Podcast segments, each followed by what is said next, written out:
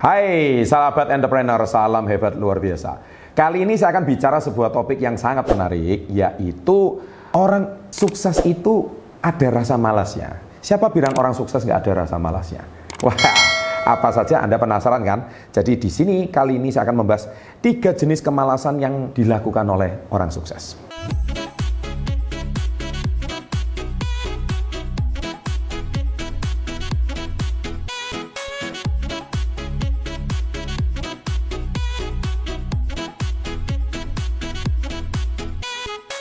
Oke, apa saja kemalasan-kemalasan yang dilakukan orang sukses? Sebelum saya bongkar, Anda pastikan tonton video-video kita yang lain. Contoh yang pertama adalah pemalas-pemalas yang sukses. Nah, Anda harus tonton video itu.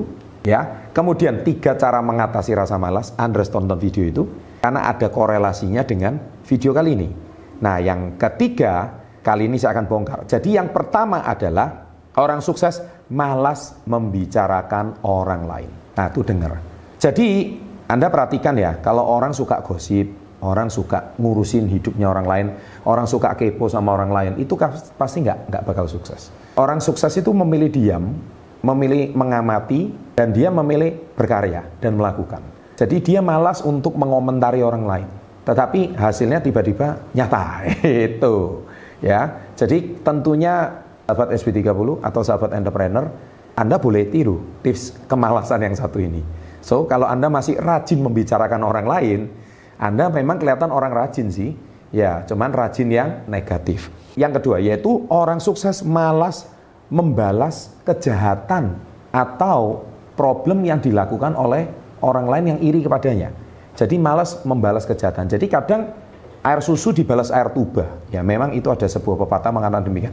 Tapi orang sukses, dia kalau diberi air tuba, ya sudah, dia anggap ikhlas ya dia nggak mau membalasnya. Karena apa? Karena mungkin bagi dia contoh saya uangnya dimakan oleh karyawan saya ditipu sama partner.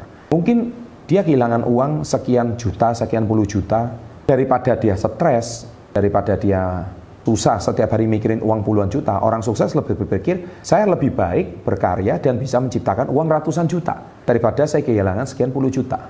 Sedangkan orang-orang gagal mereka rajin membicarakan kehilangan uang itu. Uang itu setiap hari dikomentari. Di status sosmednya dia bilang, hei kalau pinjemnya aja manis, kalau nagihnya susah, ya kan? Gini, menurut saya, kalau orang bisa pinjam uang Anda dan Anda bisa memberikannya, menurut saya ada dua yang salah. Bukan cuma orang yang meminjam, dan dia tidak mau membelikan yang salah.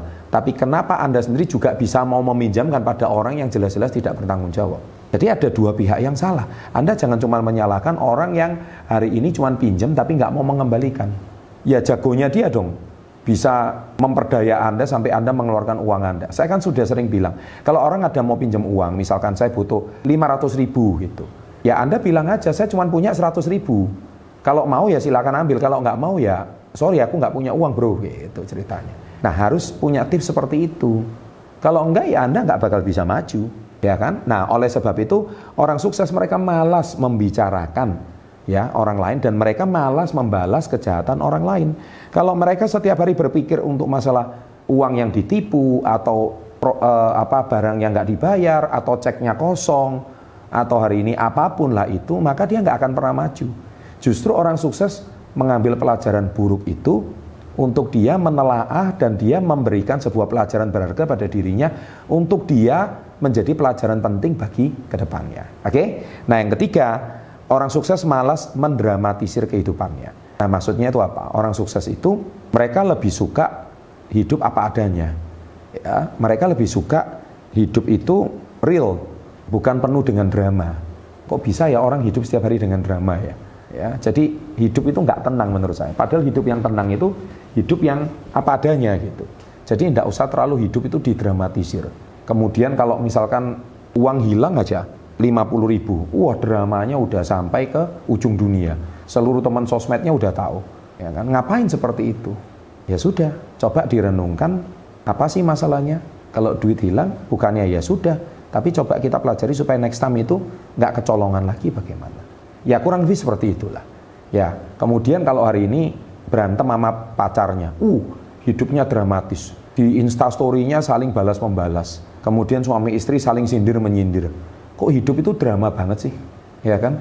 Kalau gentle, orang sukses itu ketemu orangnya langsung bicara tatap muka selesai, clear. Nggak usah didramatisir sehingga semua orang jadi tahu kisah sinetron kalian berdua gitu. Orang sukses nggak lakukan itu. Orang sukses to the point selesai, oke okay, clear. Kita masih hanya hal besar yang harus kita lakukan. Kita nggak ngurusi hal yang kecil-kecil kalau orang Malaysia bilang hal remeh-temeh seperti itu. Oke? Okay? Ya, demikian kemalasan-kemalasan yang suka dilakukan oleh orang sukses. Anda tipe kemalasan yang mana? Ya, jangan lupa mulai saat ini ada dua video silahkan ditonton dan sukses selalu. Sampai jumpa in the next video. Sukses selalu and salam hebat luar biasa.